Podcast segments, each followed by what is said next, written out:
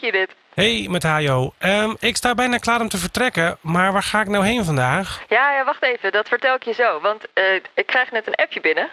Uh, ha, Judith, veiligheidsschoenen, een hesje en een helm krijgt Hajo op locatie. Het is wel verplicht om lange mouwen te hebben en een lange broek. Lange mouwen en een lange broek? Ik sta hier in een t-shirt en een korte broek. Het wordt 35 graden vandaag.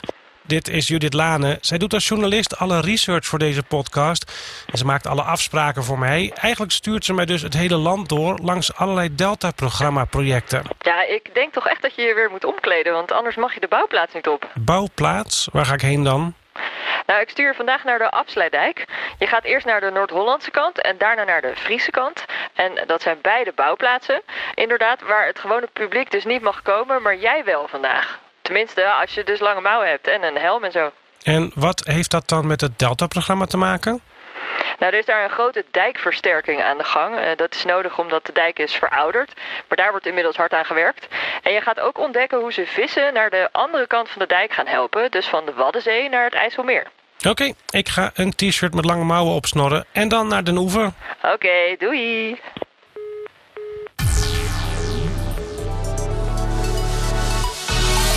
Over water en klimaat, de toekomst van onze delta. In het noorden van Nederland ligt sinds de jaren 30 van de vorige eeuw een van de belangrijkste waterbouwkundige vindingen van Nederland: de afsluitdijk. De komende jaren wordt die dijk stevig vertimmerd, zodat hij ons nog een hele tijd kan blijven beschermen tegen overstromingen, ook als het klimaat verandert. Wat doen we in Nederland om te zorgen dat we droge voeten houden? Hoe zorgen we voor voldoende water in droge tijden? Is Nederland voorbereid op een veranderend klimaat? Daarover praten we in Over Water en Klimaat, de podcast van het Delta-programma. Ik ben Hajo Magree, webredacteur en podcastmaker. En dit is alweer de vierde aflevering van het tweede seizoen van deze podcast. Het eerste seizoen heb ik opgenomen op het Delta-congres in Goes in Zeeland. Daar had ik gesprekken aan tafel met wetenschappers over de laatste inzichten over klimaatverandering en met beleidsmakers die de plannen moeten maken om Nederland klaar te stomen voor de toekomst. Te zorgen voor voldoende zoetwater en te zorgen dat we niet overstromen. Die afleveringen kun je terugluisteren in je podcast-app en ze zijn ook te vinden via deltaprogramma.nl. Dit tweede seizoen zit ik niet meer achter die tafel, maar ben ik naar buiten gegaan om te zien wat er daadwerkelijk gebeurt aan projecten om Nederland aan te passen aan klimaatverandering. Hoe die wetenschappelijke inzichten worden vertaald in plannen en ideeën en die uitgangspunten weer in concrete maatregelen. En een van de plekken waar dat gebeurt is dus de Afsluitdijk. Dit wordt een verhaal in twee delen, met die 32 kilometer van de Afsluitdijk ertussen, zou je kunnen zeggen. Links op de kaart en rechts op de kaart. West en Oost, Noord-Holland en Friesland. De dijk versterken aan de ene kant en er tegelijkertijd juist een gat in maken. Een verhaal over waterveiligheid en natuurbeheer. Vissen, om precies te zijn. Uit monitoring blijkt dat hier jaarlijks ongeveer 300 miljoen vissen uh, van de Waddenzee naar het IJsselmeer willen migreren. En die kunnen dat eigenlijk niet. Maar dat komt straks in de tweede helft van deze aflevering. Het is woensdag 12 augustus 2020 en we zitten midden in een officiële hittegolf. Als ik op een dag als dit buitenopnames moet maken, mag ik van mezelf meestal in een korte broek. Maar vandaag heb ik een afritsbroek aan en lange mouwen. Dat heeft met de veiligheid te maken. Ik moet me melden bij een groot tijdelijk kantoor van Rijkswaterstaat in Den Oever. Daar heb ik afgesproken met Lucas Meursing van Rijkswaterstaat. Hij weet alles over de verbouwing van de afsluitdijk. Voor we de dijk op kunnen, komt iemand mij nog een PowerPoint laten zien over veiligheid op de bouwplaats. Daarna moet ik mijn schoenmaat opgeven. Uit een kast komen veiligheidsschoenen maat 43 met stalen neuzen. Ik moet een oranje hesje aan en ik zet een grote helm op. Dan gaan we een stukje met de auto naar de haven van Den Oever en lopen we vervolgens via de sluizen de bouwplaats op. We komen langs stijgers, heel veel oranje pionnen, grote bergen zand en dikke bundels wapeningsstaal voor beton. We staan in Den Oever en we kijken uit op de spuisluizen en de haven van Den Oever. Het is een prachtig uh, zonnige dag.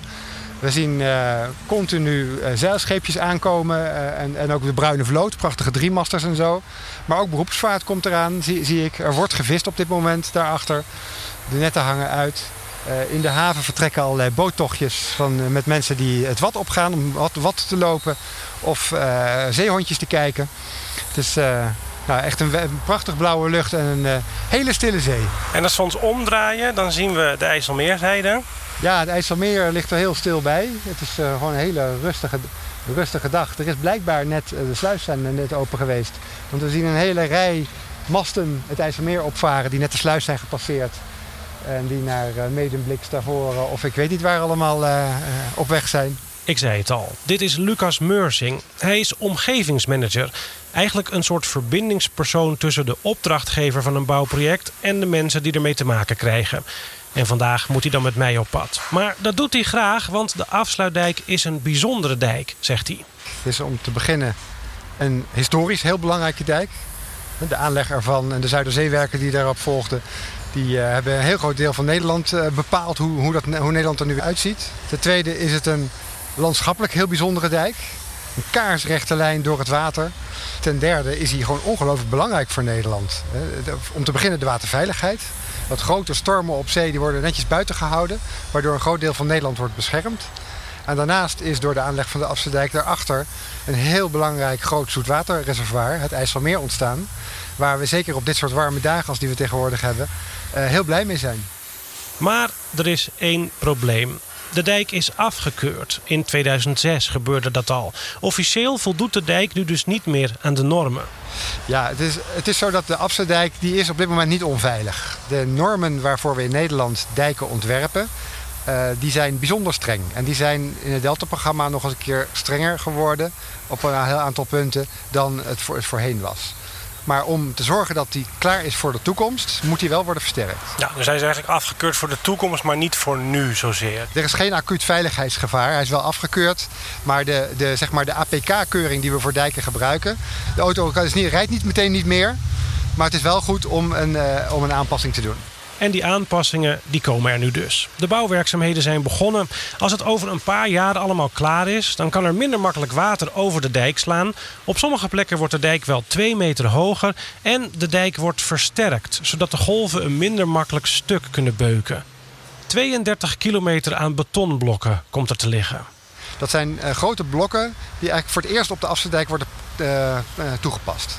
Het blok bestond hiervoor nog niet en is eigenlijk een waterbouwkundige innovatie. Het zijn blokken die op een regelmatige manier gelegd kunnen worden, gestapeld kunnen worden. Waarbij ze met veel minder beton dan in traditionele methode en dus ook minder CO2-uitstoot toch dezelfde sterkte kunnen geven. Uh, ze worden op een hele slimme manier gestapeld uh, en geven daarmee ook een heel regelmatig patroon. We hebben voor de Afsterdijk ook eisen gesteld aan ja, hoe moet hij eruit zien. Want het is nu een hele mooie, strakke, rechte lijn door het landschap.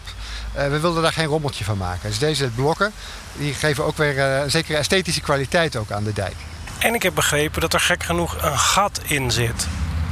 Ja, er zitten meerdere gaten in. Er zit onder andere een gat in wat gebruikt wordt om het blok op te, makkelijk op te kunnen tillen om ze te kunnen plaatsen.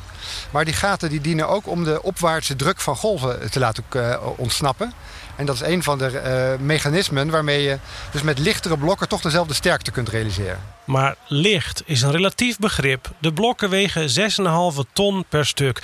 Ongeveer zo zwaar als zes personenauto's. En bij het formaat moet je aan iets denken als zo'n puincontainer die je voor de deur kunt laten zetten als je gaat verbouwen. En we gaan daar ruim 75.000 van plaatsen. Ja, en die worden dus ook ergens gemaakt. Ja, in de haven van Harlingen is speciaal voor dit doel een hele fabriek ingericht.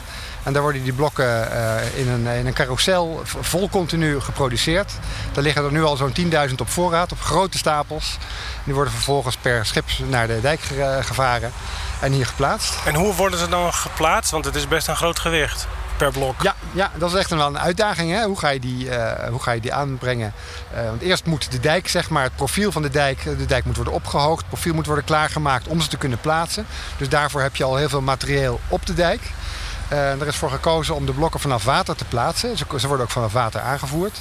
En dat gebeurt vanaf een groot ponton. Alleen dan moet je vanuit een behoorlijke afstand moet je die blokken kunnen plaatsen met een behoorlijke precisie. En de kraan die daarvoor wordt gebruikt, dat is echt wel een exceptionele kraan, de Titan. Die is bijvoorbeeld ook op de Tweede Maasvlakte gebruikt om hele, om hele grote betonblokken te plaatsen. Het verschil is wel, daar stond hij op rupsbanden. En hier uh, staat hij op een ponton. De, het is een grote dijk en de, dat vraagt ook groot materieel. Gaat dat allemaal in één keer goed dan? Of testen jullie zoiets dan eerst nog? Zeker als je met nieuwe technieken aan de slag gaat... is uh, voor een deel ook altijd een kwestie van proberen en steeds verfijnen. En hebben jullie dit nu al onder de knie of zijn jullie nog aan het leren?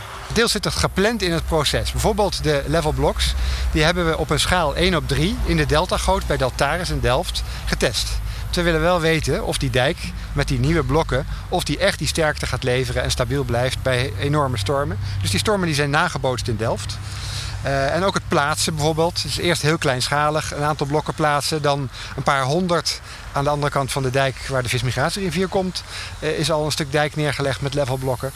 Uh, en, en, nu zijn we eigenlijk net gestart met uh, het eerste echte uh, stukje voor echies ja. aanleggen. En bij iedere stap zie je dat er steeds wel, toch wel weer kinderziektes tegenkomt. En dat gewoon de werkwijze moet aanpassen tot het gesmeerd loopt. En dan kunnen productie draaien. Dan vind ik details altijd heel leuk. Wat voor kinderziektes ben je dan tegengekomen? Weet je daar iets van? Nou, bijvoorbeeld hoe, hoe, precies moet je de ondergrond leggen om de blokken precies uh, op de goede plek te kunnen leggen. Die blokken, het zijn enorme blokken, die kun je natuurlijk niet op de millimeter nauwkeurig leggen. Uh, maar er zijn wel eisen gesteld aan hoe nauwkeurig ze moeten liggen. Dan moet die ondergrond moet voldoende recht liggen. Uh, nou, als je dat helemaal per blokje met de hand gaat doen, is natuurlijk ondoenlijk.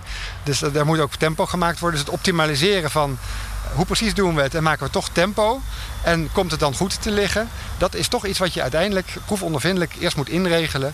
voordat je de hele 32 kilometer kan gaan doen.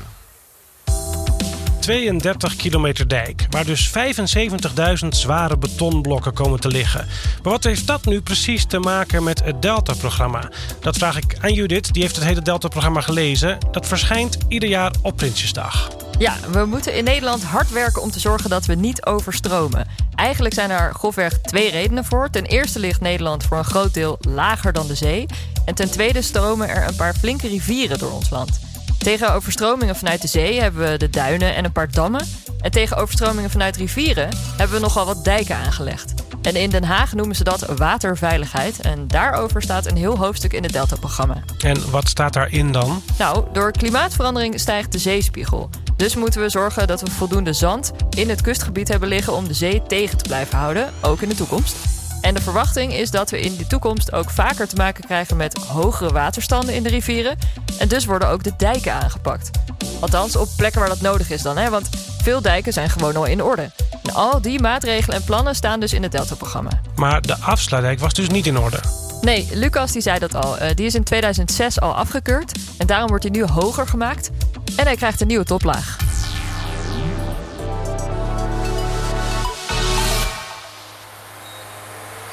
Terug naar de bouwplaats in Den Oever. De afsluitdijk wordt op sommige stukken 2 meter verhoogd. Is dat nou veel of weinig? Um, dat is inderdaad niet zo heel veel. De um, hoofdkeuze die we hebben gemaakt is vooral om de dijk voor, de, voor een lange tijd heel stabiel te maken tegen aanval vanuit zee. Daar dienen onder andere die level blocks voor. Daarnaast is het op zich niet heel bezwaarlijk als er af en toe een beetje water overheen gaat. Dus we hebben een keuze gemaakt dat er eigenlijk een zekere mate van overslag, water bij een extreme storm, water over de, zee, over de dijk mag slaan. En dan heb je het over windkracht 12 of zo? Nou, dan hebben we het over een extreme situatie met een, een eh, kans van 1 op 1000 of ongeveer op voorkomen of extremer. En dat scheelt dus heel veel materiaal in ophoging. We hadden hem nog een 2 meter hoog kunnen maken om nog net een beetje minder eh, kans te hebben dat er water overheen slaat. Maar wel met een gigantische milieu-impact, omdat dan die hele dijk hoger, maar ook breder moet.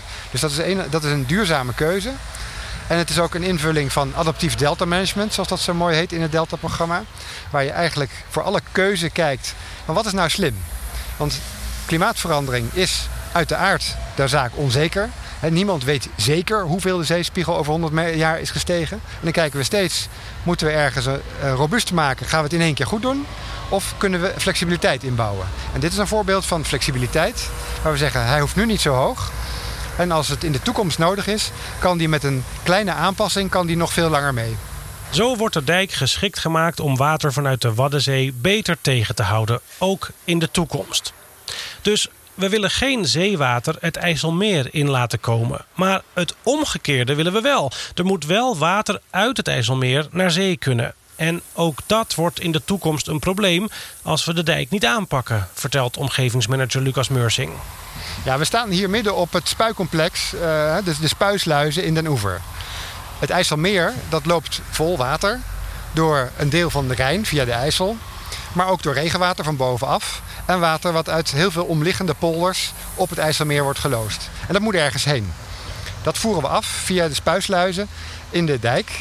En dat zijn eigenlijk gewoon hele grote schuiven in de dijk. Die als het uh, stormt of hoog water is op de Waddenzee dicht zijn. Want dan willen we geen zeewater in het IJsselmeer. En op het moment dat het laag water is, gaan ze open. Stroomt het water vanzelf weg. Ja, dat, is spuien. Dat is spuien. En dat gebeurt nu, tot nu toe, sinds de aanleg, al bijna 90 jaar. En waarom is dat niet houdbaar voor de toekomst? Omdat uh, met een stijgende zeespiegel het, het hoogteverschil tussen IJsselmeer en zee steeds kleiner wordt. Dus je kunt steeds minder spuien. Nou, voor die situatie bouwen we grote pompen in een groot gemaal in de dijk in. En die kunnen het water uit het IJsselmeer gewoon ook tegen een hoogteverschil in naar zee toe pompen. En da daar staan we nu min of meer bovenop Daar staan we bijna bovenop, ja, ja. Want als je hier in de dijk zou kijken, wat zou ik dan zien? Als je hier naast ons in de dijk kijkt, dan zie je dat er op 18 meter diepte drie gigantische kokers door de dijk gebouwd zijn. Waar dadelijk de weg gewoon overheen rijdt. Waarbij dat water uh, uh, naar de zee wordt afgevoerd. Aan de IJsselmeerzijde worden het komend jaar de, de, pompen ingebouwd. Die zuigen hun water van een grote diepte, vanaf min of meer 18 meter diepte, zuigen dit op. Persen dat door de dijk. En dat wordt hier achter ons, door zo'n uitwaaierende uitlaat, wordt dat hier in zee gepompt. En, maar die hoeven dan niet heel vaak aan? Of gaan jullie ze wel gewoon af en toe testen? Hoe werkt dat dan? Die pompen gebruiken energie. Ja. Dus vol, je wil ze niet vol continu aanzetten. Slijten is ook hard, dat is ook niet, ook niet handig. Dus we hebben eigenlijk het credo, we gaan zoveel mogelijk spuien. Spuien als het kan en pompen als het moet. Dus die pompen die worden vooral aangelegd voor die situaties waarin uh, het spuien niet voldoende mogelijkheden biedt. Dan gaan we, bij, gaan we pompen. Daarnaast gaat er natuurlijk ook af en toe gepompt worden om de pompen in bedrijf te houden, om ze te testen. Ja. En, en dat pompen als het moet, hoe vaak verwachten jullie dan dat dat moet? Is dat eens per maand, twee keer per jaar, één keer per eeuw? Waar, waar hebben we het dan over? In sommige delen van het jaar, in de zomer met name, hoef je überhaupt niet te pompen. En in de winter verwachten we dat dat een aantal keer per, per winter zal voorkomen in het begin. En dat zal afhankelijk van hoe de klimaatverandering zich ontwikkelt, zal dat steeds vaker nodig zijn.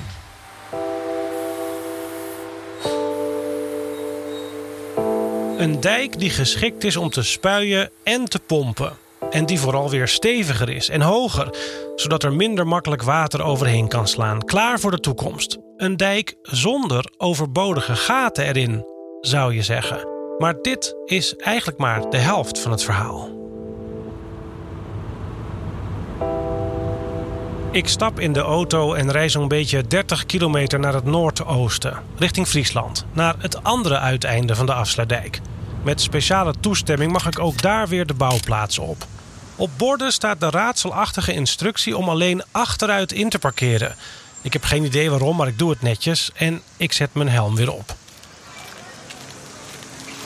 Ik krijg een begeleider mee. Vanaf de parkeerplaats lopen we een stuk terug de afsluitdijk op. We passeren hekken met hangsloten die voor me opengemaakt worden en achter me meteen weer gesloten. En na een minuut of twintig komen we bij een gloednieuw stuk dijk. Kale, gladde betonnen platen aan de linkerkant en rechts aan de Waddenzeekant van die grote nieuwe betonblokken waar Lucas Meursing het net over had. Pikzwart asfalt bovenop.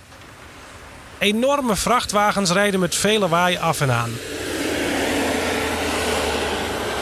De bewoonde wereld lijkt hier heel ver weg. Toch is dit niet de hoofddijk. Dit is niet de afsluitdijk zelf, maar een soort extra arm die naast de echte afsluitdijk is gelegd.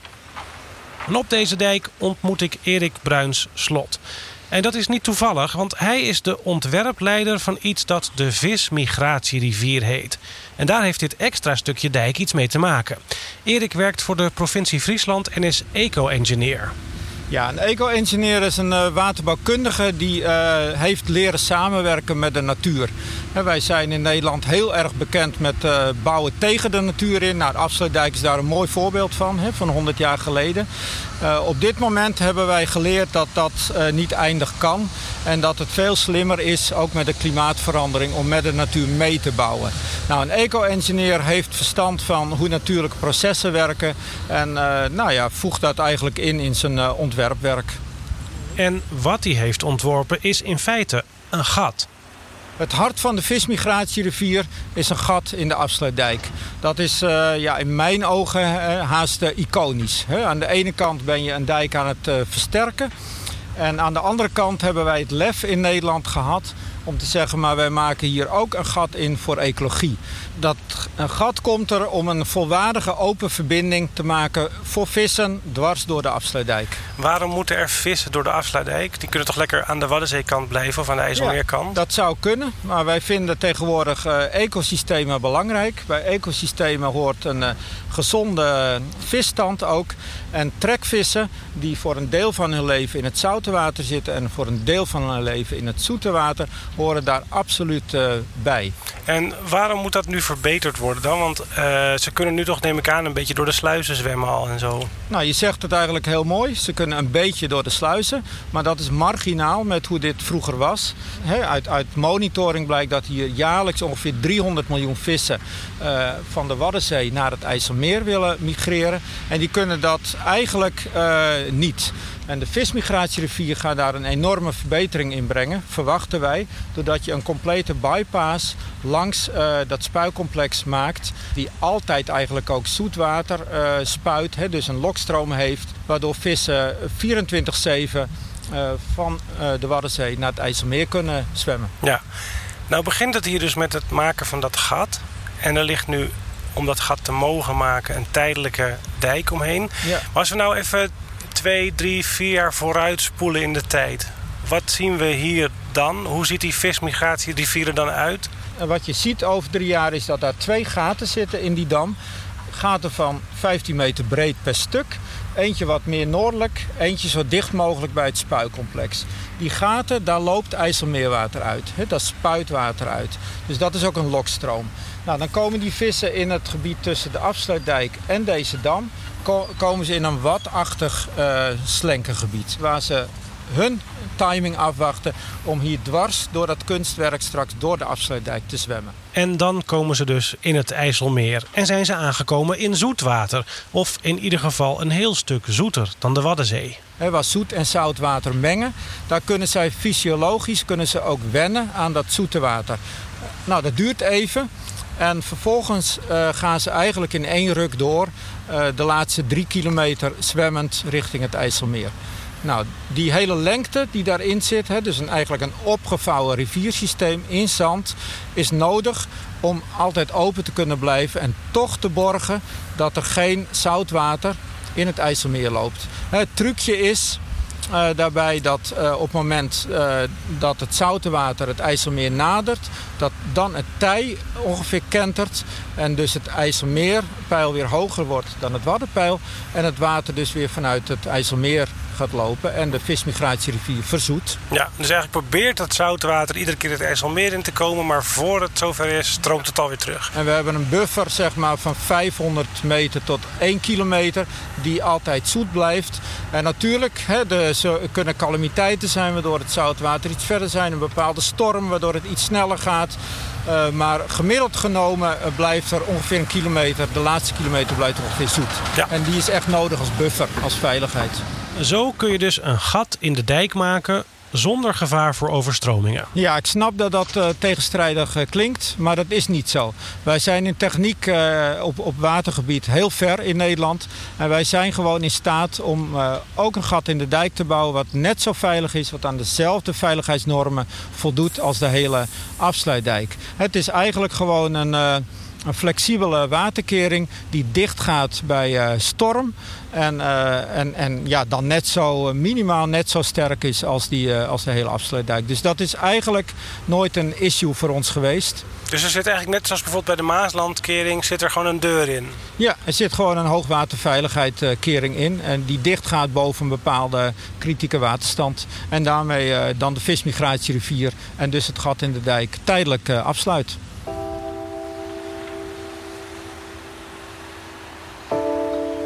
Het is de eerste keer ter wereld dat vissen op deze grote schaal door een dam heen worden geholpen.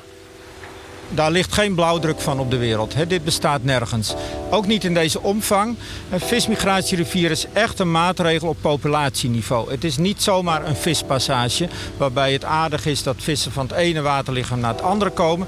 Maar hier denken wij echt aan het Rijnsysteem. Uh, het is een verbinding van de Waddenzee, uh, eigenlijk nog verder van de Sargassozee, waar de paling geboren wordt, tot aan Zwitserland, waar de Rijn uh, uiteindelijk ontspringt. Dus een gat in onze afsluitdijk heeft invloed tot in een zee hier duizenden kilometers vandaan. En tot de plek waar de Rijn begint. Paling wordt geboren in uh, ja, mooi warm water in het Caribisch gebied, in de Sargassozee. Nou, dat is ongeveer 6000 kilometer hier vandaan. En die komt uh, als uh, nou, kleine larven, als glasaal uiteindelijk... na ongeveer een zwemtocht van drie jaar via de warme golfstroom... voor onze kusten, voor de Nederlandse delta. Eigenlijk de hele Europese delta. Die wil daar naar binnen... Op dat moment uh, moet zo'n paling, zo'n glasaal, uh, makkelijk onze delta in kunnen. Nou, dat, dat kan niet uh, door een afsluitdijk, door een barrière heen. Daarom maken we die voorziening. Maar als hem dat lukt en hij is in dat zoete water... dan trekt hij door uh, totdat hij een gebied vindt waar hij zich thuis voelt. Daar groeit die paling op. Uh, totdat hij volwassen is, paairijp is... en dan onderneemt hij dezelfde trektocht, maar dan vice versa. Ja, en die plek waar hij zich thuis voelt... dat is dan bijvoorbeeld hier in het IJsselmeer? In het IJsselmeer en verder. He, vroeger hadden we natuurlijk uh, uh, brakwaterzone, uh, de Zuiderzee hier. Nou, dat zijn gebieden waar vaak een tussenstop door de paling wordt, wordt gemaakt. de, de paling die groeit uh, het liefste op in, in zoet water. Dus hij gaat door totdat hij dat vindt. En dat kan een Nederlandse polder zijn, dat kan de Friese boezem zijn... maar dat kan ook verderop, uh, trekkend hè, de, de rivier op, uh, een, een zoet gebied zijn. waar hij nou ja, voldoende veiligheid, voldoende voedsel zoekt, waar hij zich happy voelt. Blije vissen dus. En dan ziet het er ook nog eens mooi uit. Ik vind het haast landschapskunst. We maken een zo laag mogelijk eh, deltalandschap. En we dagen eh, de natuur uit om mee samen te werken. En we gieten dus niet alles vast in beton en asfalt en, uh, en met stenen bijvoorbeeld. Ja. Droom jij nou s'nachts van het moment dat de eerste vissen hier doorheen gaan? het gekke is, ik ben hier uh, zoveel mee bezig overdag dat ik er eigenlijk helemaal niet van droom. maar je gaat op de een of andere manier wel het resultaat in de gaten houden, neem ik aan. Zeker. Op een goed moment weet je dat er daadwerkelijk vissen doorheen zwemmen. Ja. Kijk je daar naar uit? Daar kijk ik absoluut naar uit.